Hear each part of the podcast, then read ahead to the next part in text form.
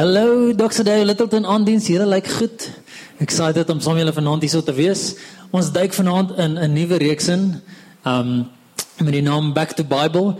Nou, soos dit vir my klink, het ons redelik 'n goeie reputasie onder die paar afgelope paar reekse wat ons gedoen het. Het julle dit geniet? False views. Ek kan nie onthou wat ons voor dit gedoen het. maar ehm um, hey, ons is regtig trots op dit wat ons doen hierso en ons ons is nogal excited dat ons die goed wat ons aanpak is partykeer op die neus, eerlik en ons uh, lê in honest community en honest gesprekke in. So dis ook die hart agter hierdie reeks. En uh, die reeks se naam is Back to Bible en ons gaan vier dinge tackle, vier weke. Vanaand is die eerste aand en dis die volgende dinge. Die eerste week vanaand gaan ons 'n bietjie praat oor the Bible is historically accurate. Volgende week the Bible is scientifically accurate. The Bible is prophetically accurate, nie prophetically, prophetic. En die laaste week I can build my life on it. Kom ek begin deur 'n storie te vertel van 'n Amerikaanse show met die naam American Bible Challenge. So hierdie is 'n show wat hulle wou begin het in Amerika. Of actually wat hulle gedoen het, ek dink hy's actually op Netflix, jy kan hom al kry. American Bible Challenge.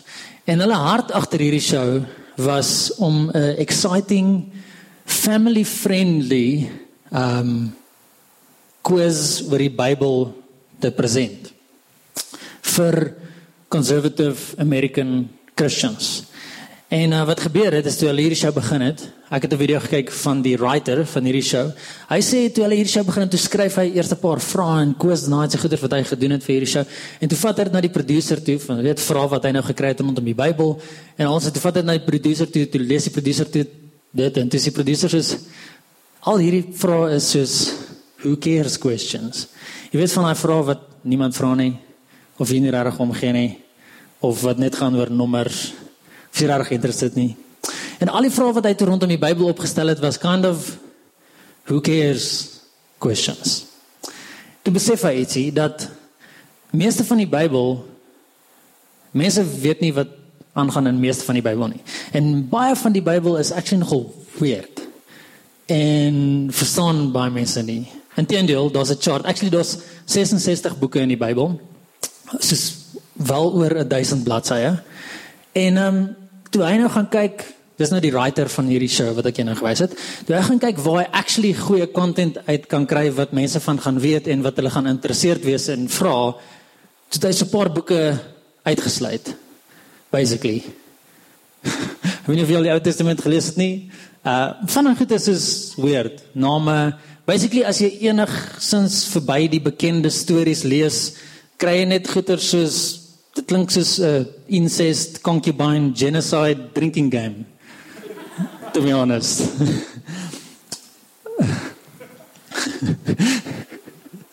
Amber gesê gesê wat dis in die Bybel?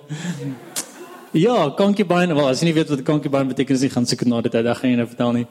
Ehm um, Inteendeel het hulle actually toe hulle toe hierdie ou vrae opstel oor toe sê hulle soos moenie die woord concubine gebruik eers nie want as dit op die TV kom dan gaan kinders vir hulle ouens vra daddy, dad mommy, what is a concubine? En dan toe hulle soos e-mails gekry van ouers af met issues oor al die goed wat hulle op die Bybelkoers doen omdat hulle hulle kinders aan die Bybel blootstel. Ouers wat kwaad is. Anyway. Ehm um, hulle het ook gesê hulle kon actually ook nie oor die kruisiging praat op die show nie soos want dis nogal off limits want mense eet en dan soos is dit bietjie too much. So ehm um, hierdie uit besef dit moes ook 'n family friendly show gewees het. Toe besef hy baie van die Ou Testament is nie net irrelevant nie, maar ook daai goeders, daai laaste rooi kruisies is ook goed wat glad nie family friend is nie. Soos oorlog en mense wat ou wat 500 mense doodslaan met 'n donkie se kakebeen en allerlei sulke goeders. Die ander ding is hulle moet ook hierdie show fact check. Want obviously die quiz ding moet soos dit moet fact check word, dit moet ware goeders wees. En uh, dit was 'n probleem. Want om goed in die Bybel te fact check is nie so simpel nie. Ehm um, daar's baie contradictions in die Bybel. Inteendeel kom ek vir gee 'n uh, voorbeeld van 'n baie bekende storie, die geboorte van Jesus. Right, die nativity story. So Ek weet nie hoeveel van hierdie storie ek ken nie, maar die general story is uh Josef en Maria moes travel en hulle het gegaan na Bethlehem toe van Nazareth af, Nazareth af na Bethlehem toe. Hoekom moes hulle nou weer travel? Wat was die rede? Well, yes, this is census. Lucas 2 say in those days uh, in Caesar Augustus' reign that the whole empire, uh, Caesar Augustus said that the whole empire should be registered. And the first census took place while Quirinius was governing Syria. So everyone went to be registered, each to his own land. Almal moes travel na hulle land of hulle ancestry for the census. Seems legit at first glance, maar dit was actually baie goed van hierdie storie wat nie sin maak nie. Eerstens Quirinius was nie governor tot 10 jaar na hierdie gebeur het nie. Tweedens daar was geen rekord van uh Caesar Augustus wat ooit so 'n order uitgestuur het nie. En derdens en mees fascinating is dis die census is regtig nogal ridiculous. Ek het nog nooit gehoor van 'n census waar jy moet travel na die land van jou ancestors om getel te word nie. Inteendeel is die doel van 'n census nie sodat hulle jou kan tel waar jy nou is, sodat hulle weet daar moet jy taxes betaal. Hoekom moet jy soos ek ben waar as ek nou moet vir 'n census gaan na die land of my ancestors toe, waar gaan ek Pretoria nou of Centurion of actually ek kom van Hartbeespoort af of gaan ek soos Europa toe moet gaan of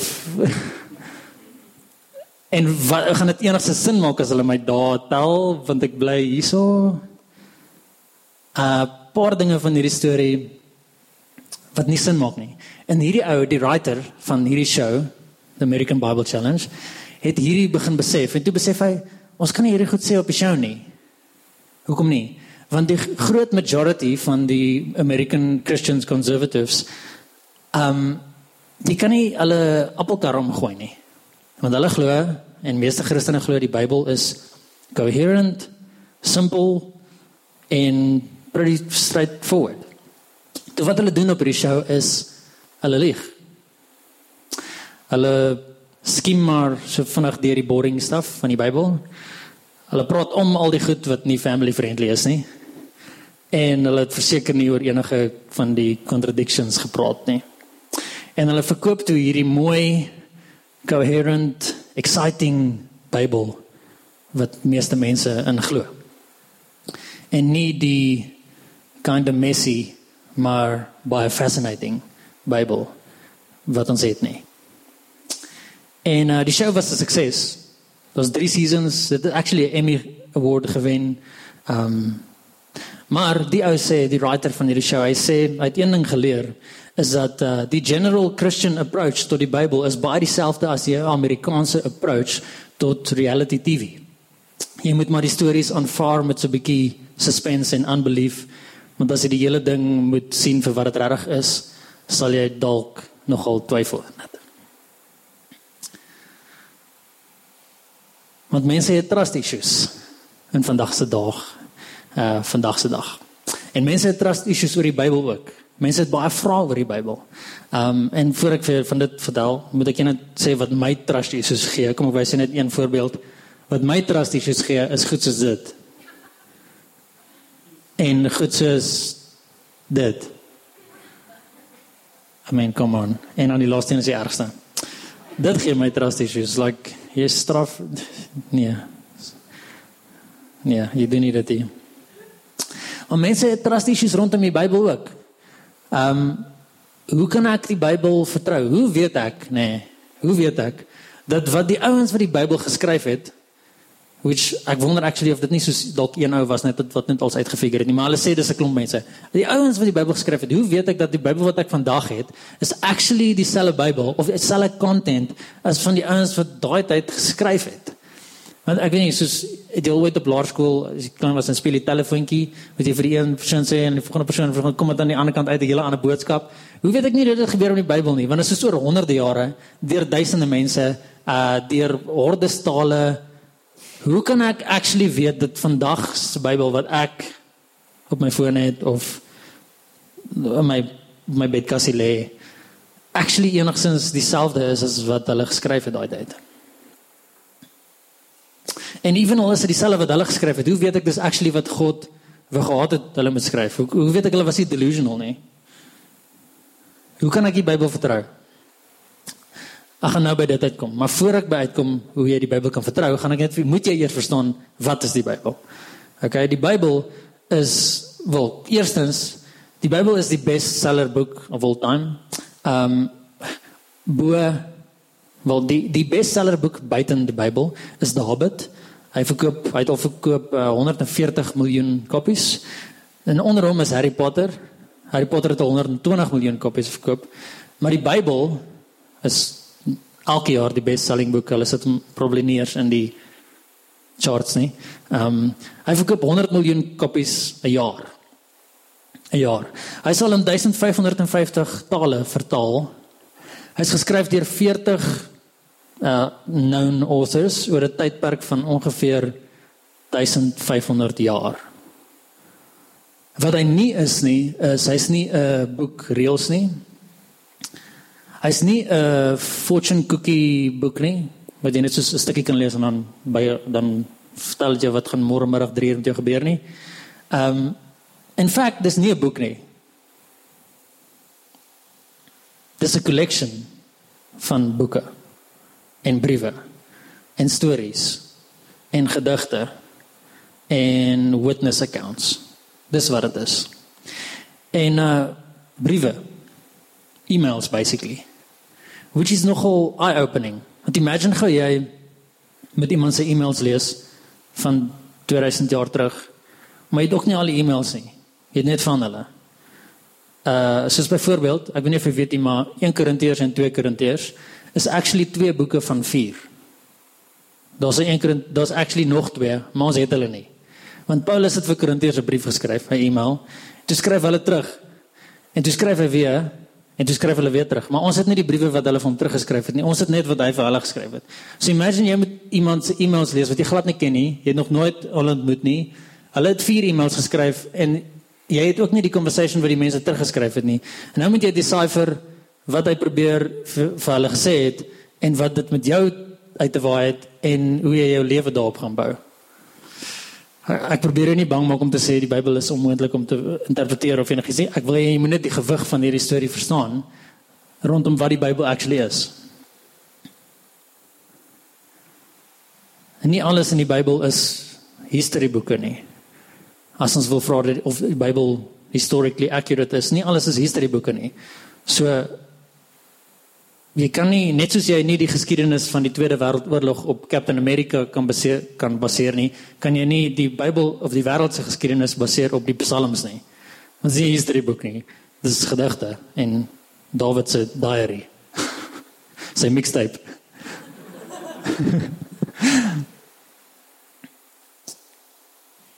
so is die Bybel histories akuraat.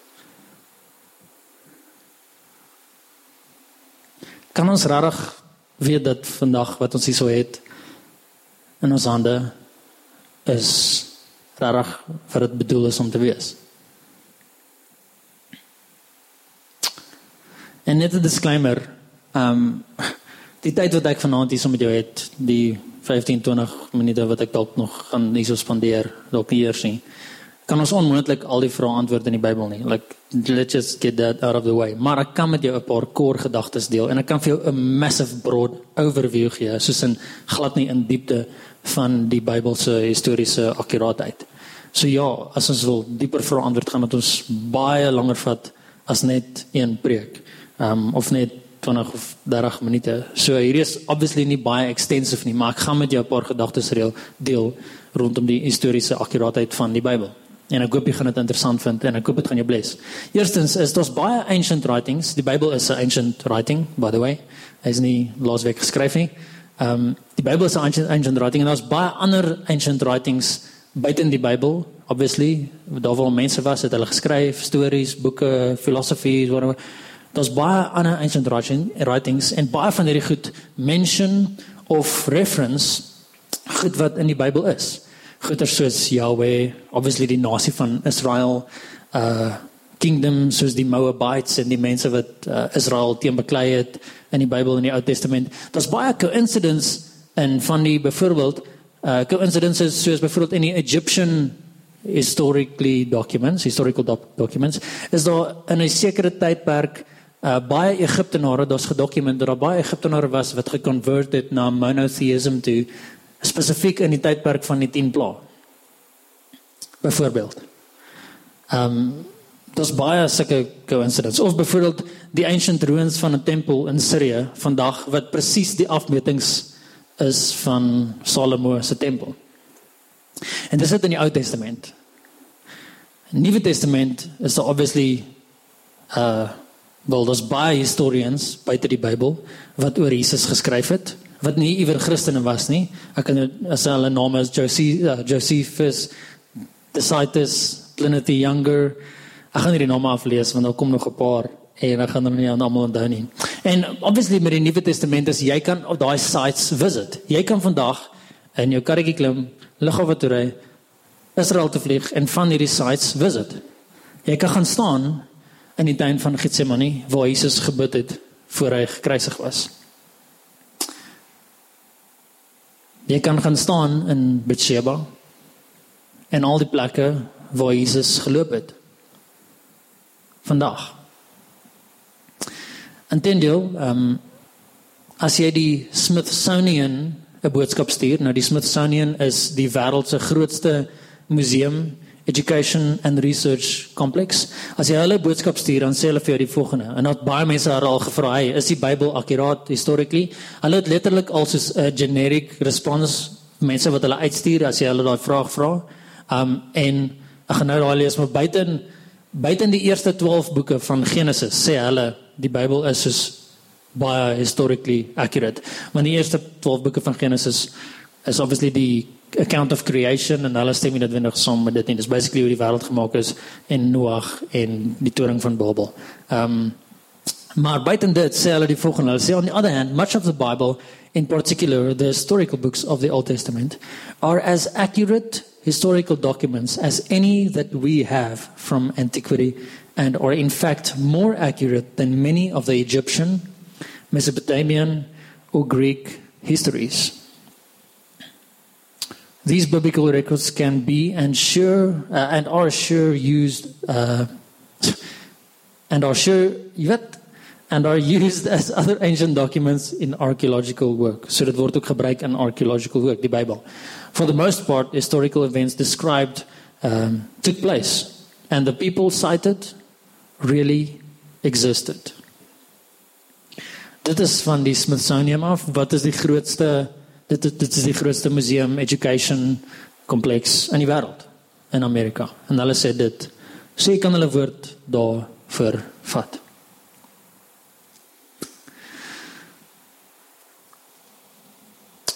Hoe weet ons dat die manuscripts wat hulle met die hand geskryf het So wat gebeur het is obviously hulle het nie hulle het nie kopiemasjiene gehad daai tyd nie. Jesus het nie of Johannes het nie, nie sy boeke wat hy geskryf het in sy studeerkamer boeke van geprint nie.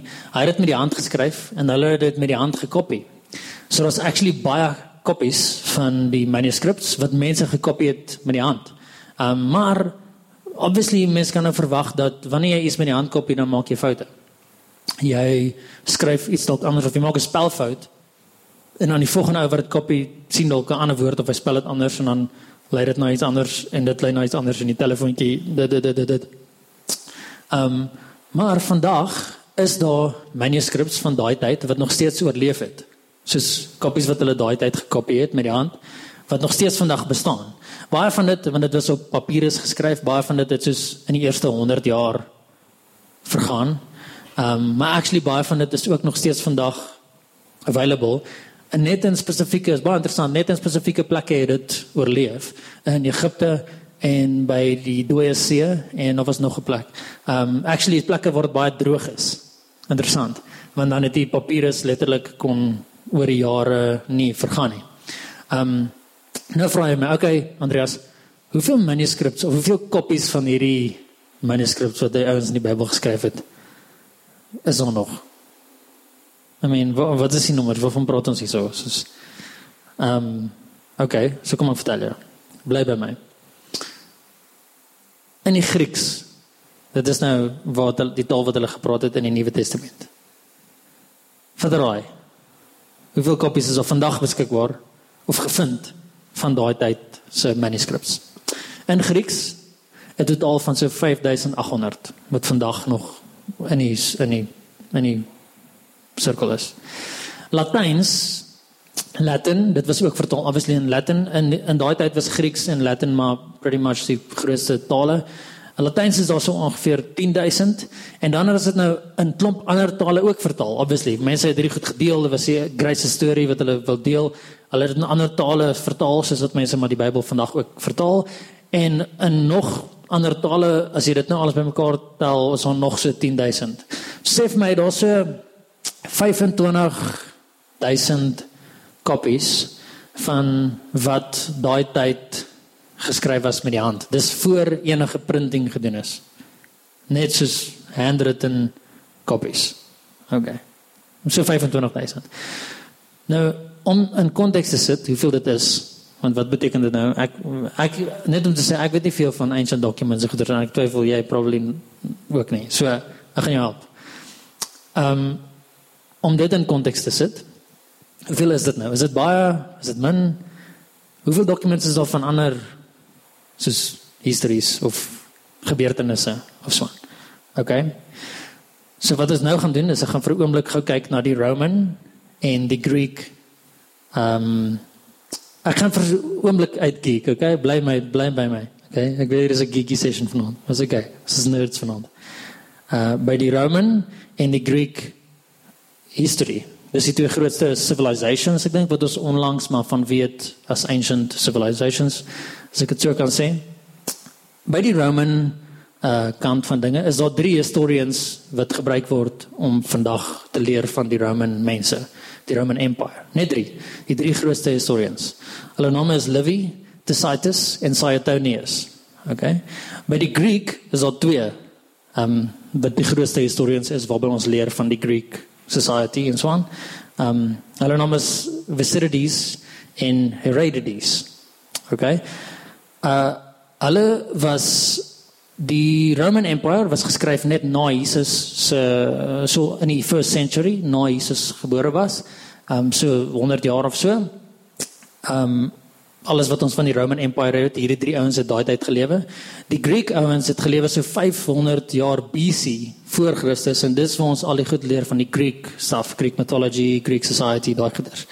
Okay, so hoeveel van die dokumente wat hulle geskryf het wat ons vandag het, wat ons letterlik alles wat ons weet van die Roman en die Greeks en so aan, dit baseer ons op hulle dokumente. Dis die drie grootste historians. Okay. Hoeveel dokumente het ons van hulle goed? Okay, die drie ouens van die Roman historians, Livy, Faderai, die eerste ou. Hoeveel dokumente? 27. 27. Die tweede ou, Tacitus 3. 3. En by the way, die uh naaste uh kopie van die goed wat hy geskryf het, was geskryf 800 jaar na sy dood. OK? Net important side note daarso. En byvoorbeeld hy het gelewe, hy het hy het sy goed geskryf. Daai goed was gekopie. Die naaste een wat ons het van wanneer hy gelewe het, is 800 jaar na sy dood. OK.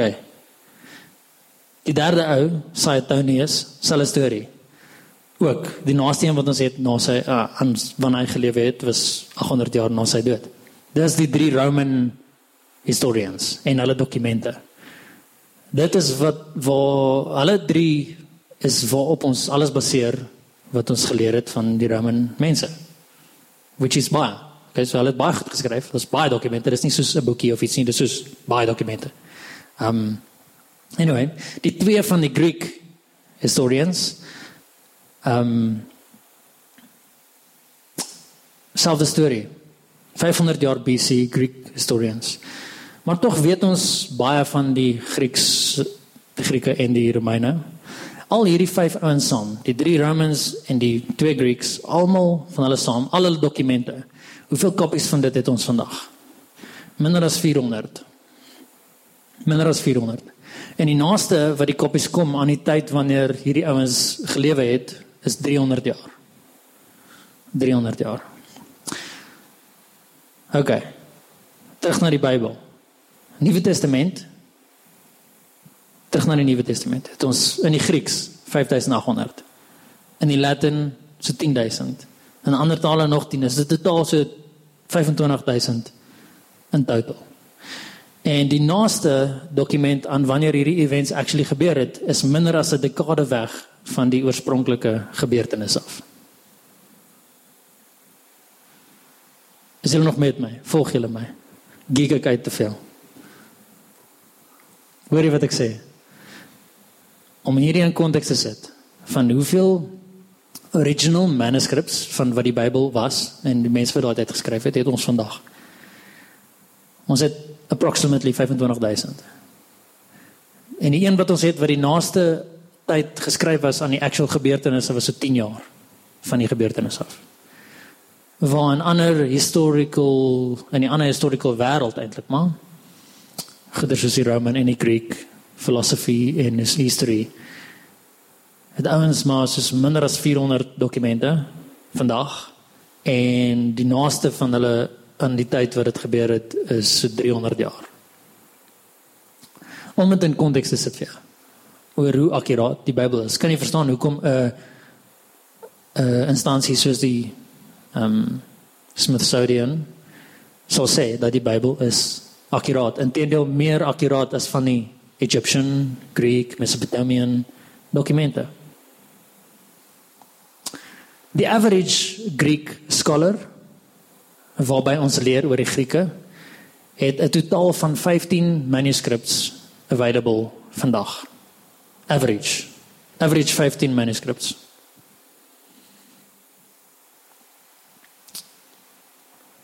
As jy dit bymekaar moet sit, weer eens wat ek nou nog gesê het, dis nie soos een boekie nie, daar ons het baie geskryf, dis baie history.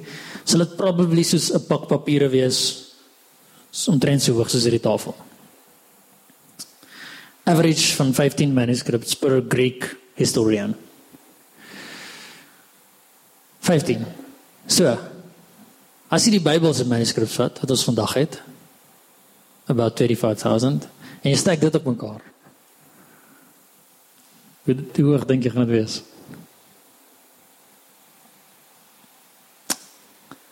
'n Mile. 'n Mile hoog in technical historian terme noem hulle dit strontbaie.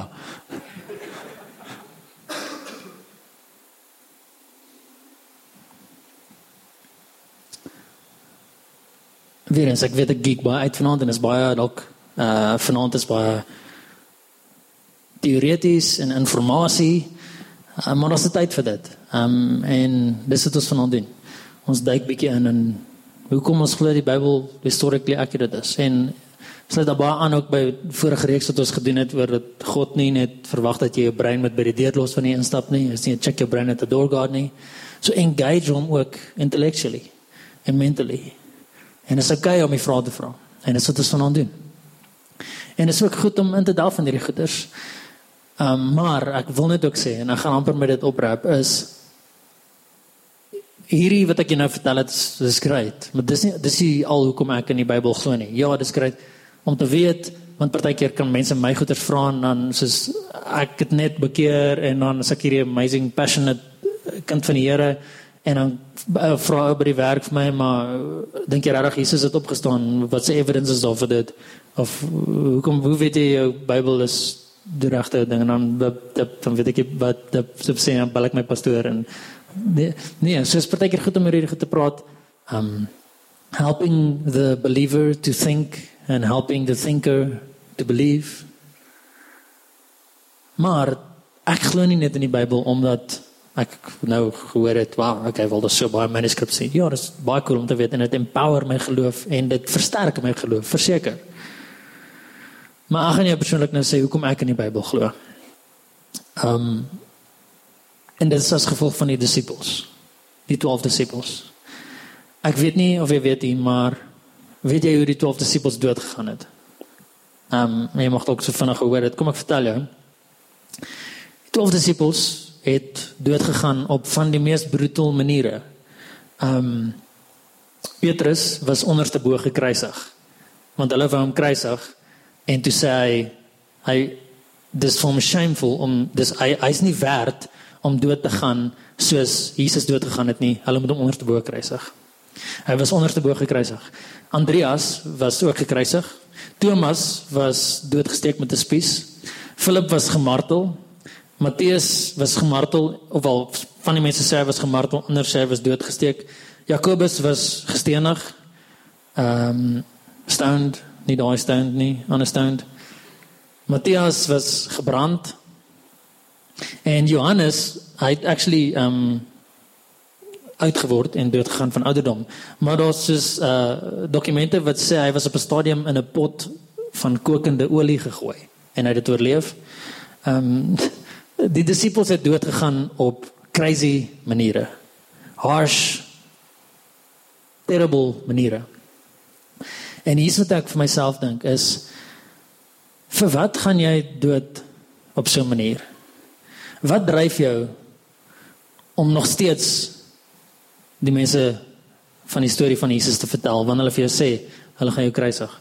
Wanneer hulle vir jou sê hulle gaan jou in 'n pot kokende olie gooi? As jy om 'n kampvuur gesit het met daai 12 chommies en die storie opgemaak het om 'n joke te maak vir almal en dink jy gaan die wêreld voel en skryf 'n paar briewe wat mense in 'n religion gaan maak en dit is baie cool.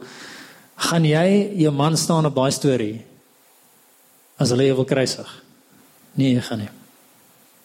Jy gaan nie. Gaan jy 'n man staan as jy weet dis die waarheid? Gaan jy 'n man staan as jy Jesus met jou eie oë gesien het uit die dood uit opstaan en jou vingers in die gate van sy hande gedruk het en in sy rib gevoel het? Gaan jy 'n man staan dan? Jy gaan en jy gaan doodgaan vir die waarheid. Dit oortuig my om te sê wat ek glo in die Bybel. Is historically accurate eerstens ja. Maar weet ek want ewen 12 ouens wat naby aan wat die naaste aan Jesus was het nie gebuil op die storie toe hulle geïntimideer was met van die hardste deaths nog nie en dit gee my moed en confidence in dit wat ek glo dat Jesus is wie hy sê hy is. En hy kan doen wat hy sê hy kan doen. Ek sluit af met 'n quote van C.S. Lewis. Hy sê die volgende: "I believe in Christianity as I believe that the sun has risen, not because I see it, but because by it I see everything else." Kom ons bid saam. Here, dankie vir u oop arms wanneer ons hierdie conversations ook het. Dat u ons nie wegshaan of dink, ah, uh, hoe kom doubt ons of niks nie, maar uh, dankie vir die honest conversations en honest thoughts wat uit hierdie ook gaan kom. Uh dankie dat u met ons is vanaand en hierdie conversation ook bless en encourage en uh, ons intellektueel ook stimulate en engage. Ons waardeer u teenwoordigheid in hierdie gesprekke. Dankie dat u vanaand in mense se harte gewerk het rondom wat die Bybel is en hoe om die Bybel te lees en wat dit vir ons vandag beteken. Dankie dat jy vanaand mense se geloof gestig het in die confirmations wat hulle kry oor wat die Bybel is en dat dit historically accurate is en dat dit waardig is om ons lewens op te bou. In Jesus naam. Amen. Dankie julle.